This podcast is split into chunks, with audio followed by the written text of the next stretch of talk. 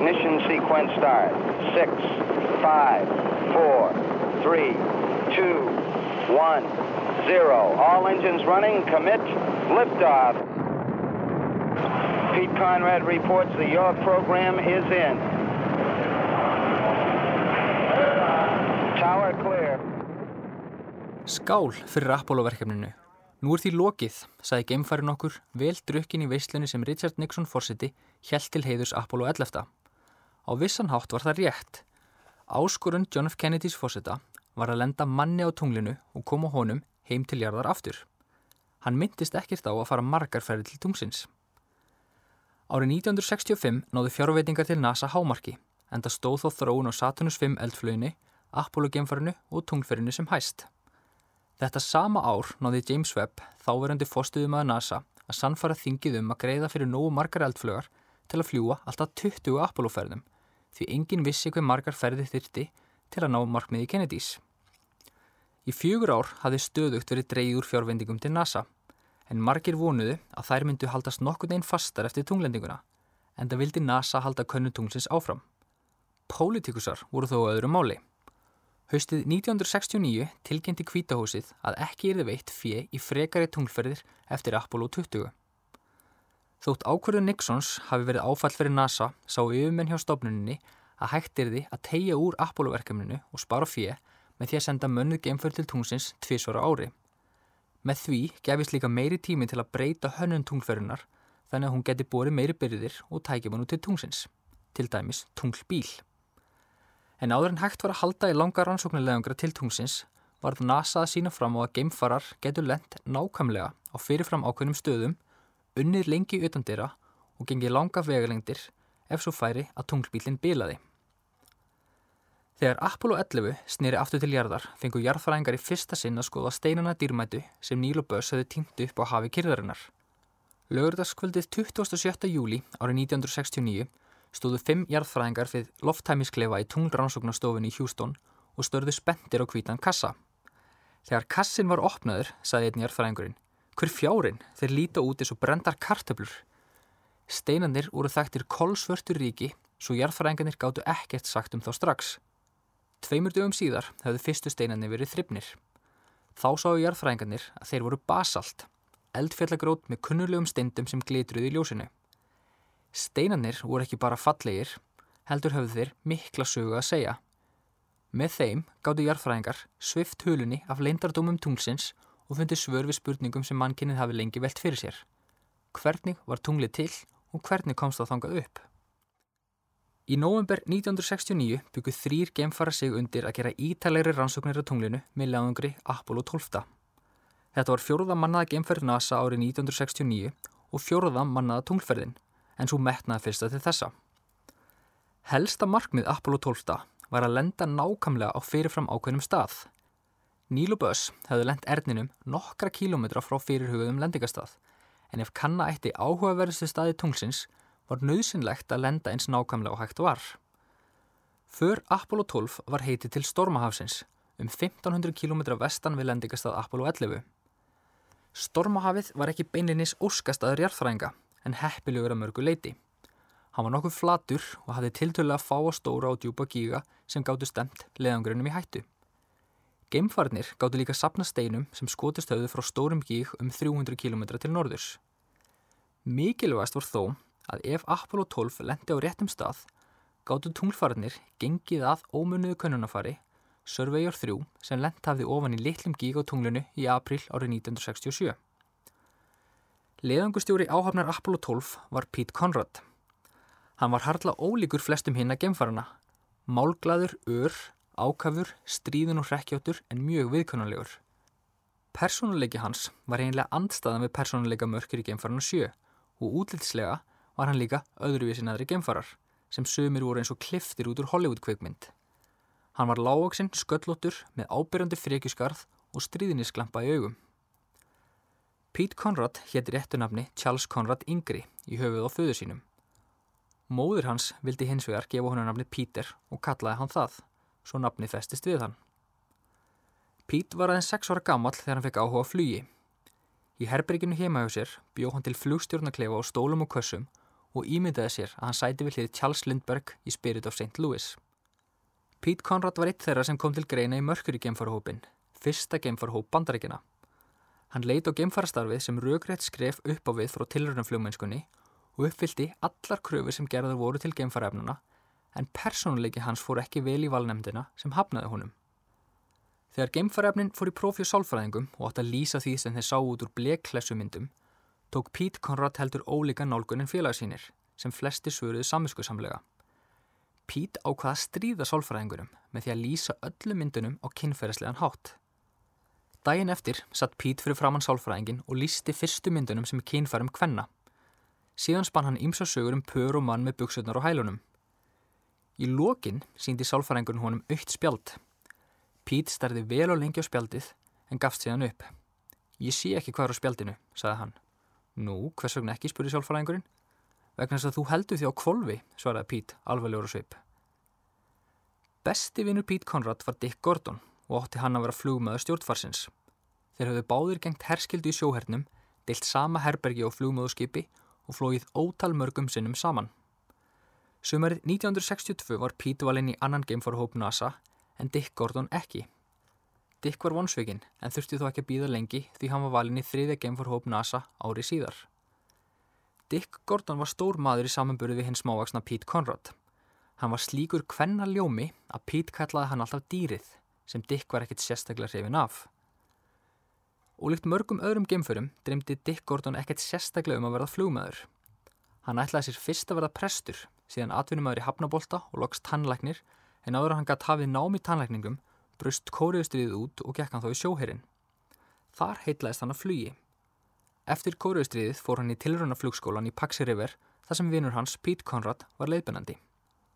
Hápunkturinn á ferli Dick Gordon hinga til voru dagarnir þrý sem hann varði með besta vinu sínum á brautumjörðina í november árið 1966 í leðangri gemin í 11. Þegar Pete og Dick tengdu geimfæri sitt við Agina burðaflug og fór Dick síðan í geimgöngu sem endaði næstu með ósköpum. Dick var í öryggislínu en gekk illa að halda sér í geimfarið og sveif sífælt burt. Átökinn voru slík að hjartsláttur hans fór upp í 180 slög á mínútu.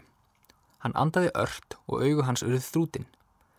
Vinirnir voru logandi hrættir því útiloka var fyrir Pít að bjarga Dick og koma honum aftur inn í geimfarið. Þá hefði hann þurft að skera á línuna og skilja vinsinn eftir í dauðan. Þegar Pít Conrad var færður yfir í Apollo-verkefnið var engin spurning um að Dick væri með honum þongað. Undur öðrum kringumstæðum hefðu þeir félagarnir gengið saman á tunglinu en Dík Sleiton yfirmöðu þeirra hafði þó reglu að flugmenn stjórnfarsins og leðingustjórin urðu báðir að hafa reynsla af geimferð og samtíkjöku geimfara.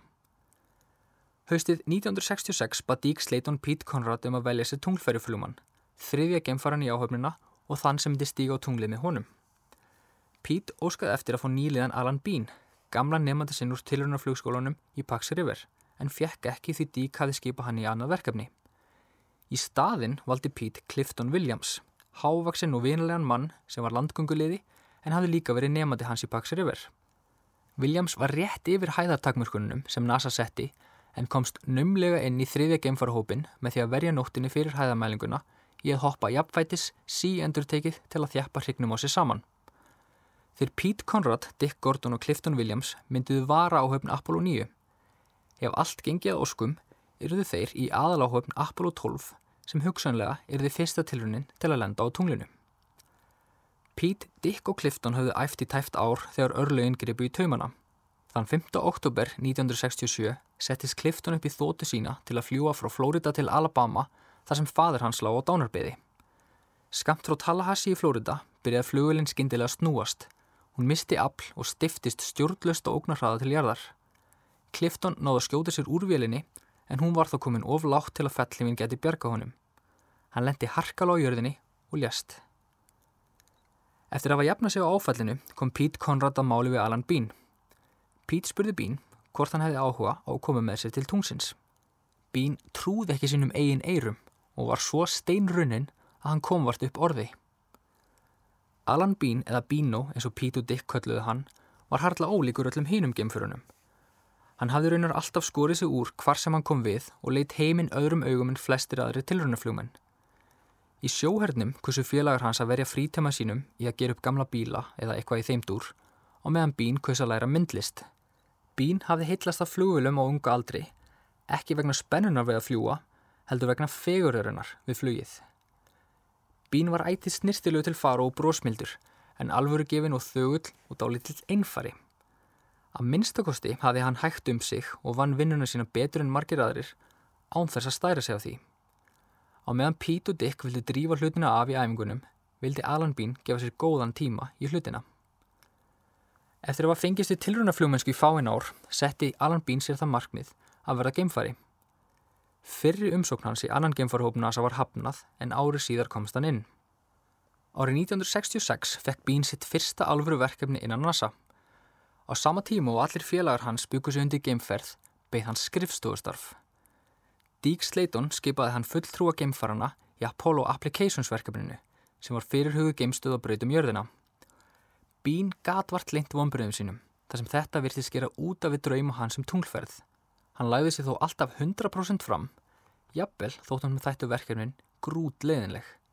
Þegar Clifton Williams lést, fekk hann loks tækifari til að láta draum sinn rætast. Áhöfn Apollo 12 var sennilega samheldnasta áhöfn Apollo verkefninsins. Þeir voru bestu vinir enda allir með svipaðan bakgrunn úr sjóhernum og skemmtu sér konunglega í undirbúningi ferðarinnar. Þeir kiftu sér allir gullitaða Corvette sportbíla og fengu sér enganúmerinn Commander, Command Module Pilot og Lunar Module Pilot í takt við hlutverk þeirra í leðangrunum. Við æfingar í tunglferjuherminum let Pete Conrad venulega vel í sér heyra. Hann söng og hummaði og smjattaði svo hátt á tiggjónu sinu að stjórnendur þurfti að lækka í hernatólunum. Og ef eitthvað bilaði eða fór úrskeiðis, blótaði hann eins og sjálfur kolbett kaftinn á góðum degi. Almannatengsla fólki á NASA hafði nokkrar áhugir af þessu. Sérilagi þegar úrlit var fyrir að Pete Conrad erði hugsanlega fyrsti maðurinn til að stíga fæti á tunglið. Flestum fannst það þó bara fyndin tilhugsun að sköllóttur og lágvaksinn orðljótur brandarakall með áberendi frekjusgarð erði fyrsti maðurinn til að stíga á annan nött. Föstu daginn 14. november sáttu Pete, Dick og Al Bean í Apollo-gemfarinu sínu og byggðu eftir gameskoti. Hjarta Beans sló ört. Þetta var hans fyrsta gemferð og þótt hann væri klættur geimbúningnum og sæti ofan á Saturnus 5 flöginni, trúði hann því varla að hann væri að fara til tungsins. Þennan förstu dag voru óviðu skí yfir Florida og um stund var útlitt fyrir að geimskutinirið frestað vegna veðurs. Veðrið var samt innan leifilegra marka, svo niðurtalningin helt áfram. Örfáum sekundum eftir flugtak tók Pít eftir ljósblossa fyrir utan geimfarið og sama tíma heyrðist ekkert nema söði í hernatölunum. Þeir fundaði geimfarið líka á reyði skjálfi. Hvað í fjandanum var þetta, kallaði hann til stjórnstöðarinnar. Næstum öll ljós blikkuði í mælaborðinu. Þeir trúðu vart sínum eigin augum. Þeir höfðu enda aldrei séð svona mörg ljós blikka í einu, ekki einu sinni við æfingarnar. Í stjórnstöðinni stóð Jerry Griffin flugstjóri og hlustaði á Pete í stjórnfarinu. Þetta var í fyrsta sinn sem Griffin styrði í tunglferð. Hann, eins og flestir aðrir, hafði ekki hugmyndum hvað gekk á og óttaðist að hætta þyrti við gameskotið og tunglferðina. Í stjórnstöðinni satt líka henn 24 ára gamli John Aron en hann hafði umsjón með rafkerfi geimfarsins. Skjárin hans var uppfullur af sérkennilegum talnarunum sem þýttu ekki neitt en voru merkjum bilun. Aron hafði hins vegar lendt í sama vandamáli við æfingarnar og vissi hvernig átt að bregðast við. Hann sá fyrir sem mælaborðið í stjórnfarinu og takkan sem geimfarnir þurfti að íta á til að endur þessa búnaðin. Þessi takki var svo lítið notaður að Kvorki Griffin ég Jerry Carr, svo sem sá um fjarskiptin milli geimfarn og stjórnstöðurinnar, vissi hvað hann gerði eða hvað hann var á mælaborðinu. Pete Conrad hafði sömulegis ekki hugmyndið um það. Það vissi Alan Bean hins vegar. Hann tegði sér fram og ítti á takkan. Tölurnar sem byrstust þá á skjánum í stjórnstöðinni síndu að siglingakerfi geimfarsins og efnaravalar höfðu farið úr sambandi og að geimfarið gengi fyrir raflegum stjórnfarsins. Þær voru hins vegar nöðsynlegar fyrir heimkomina til jarðar. Eldflögin þauðt samt áfram til heimins. Hvað sem gerst hafði, hafði það ekki neyn áhrif á eldflögina. Stjórnstöðin bað bínum að endur þessa efnaravalana en hann var tregur til því hann vissi ekki hvað hafi gerst. Þegar fyrsta þreip flögurinnar losnaði frá og annað þreipi tók við, kallaði Pete til Hjústón. Ég er ekki viss en við getum hafa orðið fyrir eldingu.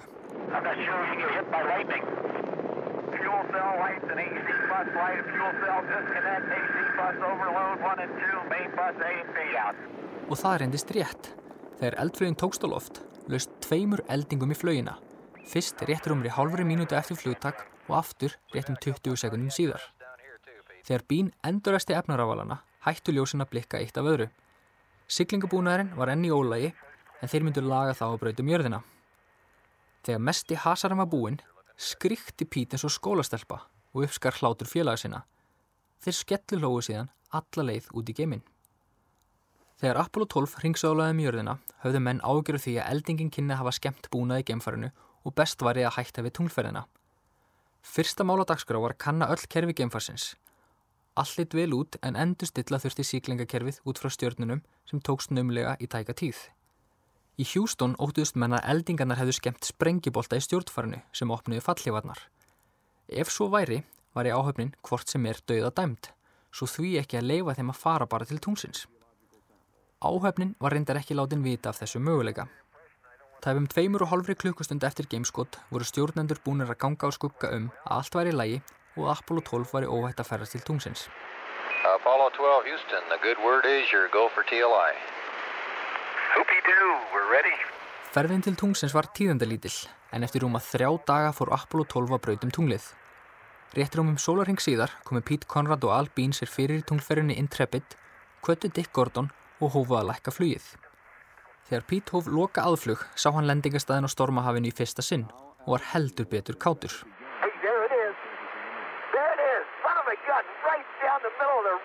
Outstanding, 42 degrees, Pete. Hey, it started right from 42. the center of the crater. Hey, look out there. I can't believe it. Amazing. Fantastic. 42 degrees, babe. Tunglferjan stemdi beint ofan í Surveyor-gíin, lendingastæðin fyrirhugaða. Hann sá góðan stað við vestubrún gíksins og lækkaði flugið hægt og rólega hún snertiljósið kviknaði mælaborðinu og slökti þá á hreflunum. Menn voru lendur á tunglinu í annað sinn. Eftir lendingu fengur Pít og Al sér að borða og byggur sig undir fyrir tunglgangun af tveimur. Á meðan flög Dick Gordon yfir lendingastæðin í stjórnfærinu og reyndi að koma auga á tunglferina með sjónuga. Michael Collins hafði aldrei séð örnin á tunglinu og því vissu menn lengi vil ekki hvar Níl og Böss hafðu lend. Gordon vissi hins vegar upp á hár hvert hann átt að horfa. Um leið og hann kom auga á Surveyor-gíin sá hann langan skugga tunglferinar. Ég sé hann, saði Gordon og vísaði til Pete. Hann er á surveyorkignum, ég skal segja ykkur það, hann er það eina sem varpar löngum skugga þarna niðri. Fáinum sekundum síðar leindi spenningunum sér ekki. Ég sé surveyor, ég sé surveyor. Hei, þetta er næstum ég gott að vera þarna niðri, saði hann. Pete Conrad og Alan Bean hafðu lend á hárréttum stað. Tæflega fimm klukkustundum eftir lendingu var komið að Pete Conrad að verða þriðji maðurinn í sögunni til að stíka fæti á tunglið. Hann opnaði lúna, kröyp og fikraði sig aftur á bak niður stegan. Mun minni pressa var á Pete og Al en Neil og Buzz, svo allt voru léttar en nótum. Pete þurfti ekki að hafa nokkrar áhugir af því að segja eitthvað stórbrúti og sögulegt. Hey, I'll tell you what we're parked next to. What? We're about 25 feet in front of the surveyor crater. That's good. That's where we want it to be. I got. I, I bet you when I get down to the bottom of the ladder, I can see the surveyor. Okay. Down to the the pad. Okay. Okay. Man, that may have been a small one for Neil, but that's a long one for me. Oh, you'll never believe it. That's what I see sitting on the side of the crater.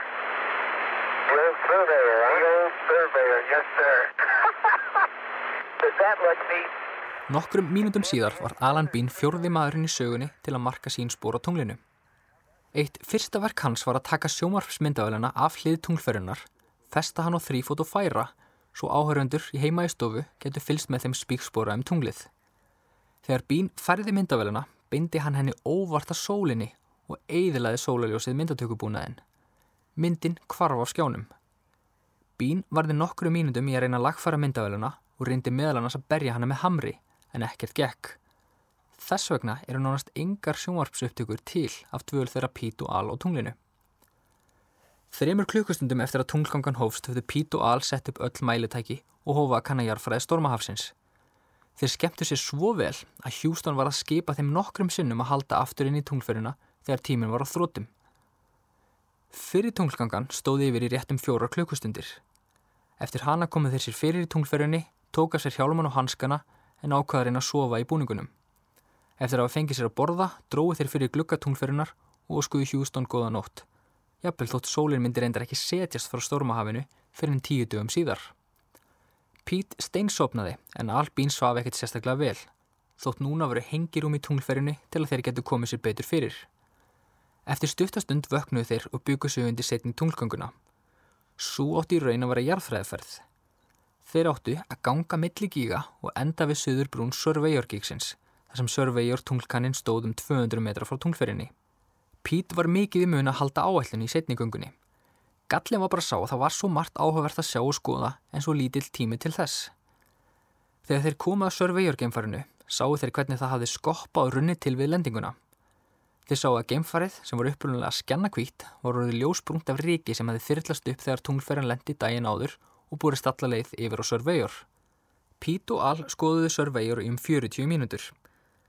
Við geimfarið höfðu þeir hugsað sér að taka skemmtilega ljósmynd Þeir smikluðu tímastilli fyrir myndafélana með sér og ætluðu að nota hann til að taka mynd af sér hlið við hlið við hliðin á Surveyor-geimfærinu. Þegar myndin er þið framkvölduð myndu menn væntanlega klóru sér vel í kollinum yfir því hvernig svo mynd var tekin. Að lokum fundu þeir ekki tímastillin svo ekkert varðu þessari skondnu mynd. Eftir aðra tunglgönguna höfðu Pete og Al samanlagt valið í 7 klukkustundur og 45 minútur utandira.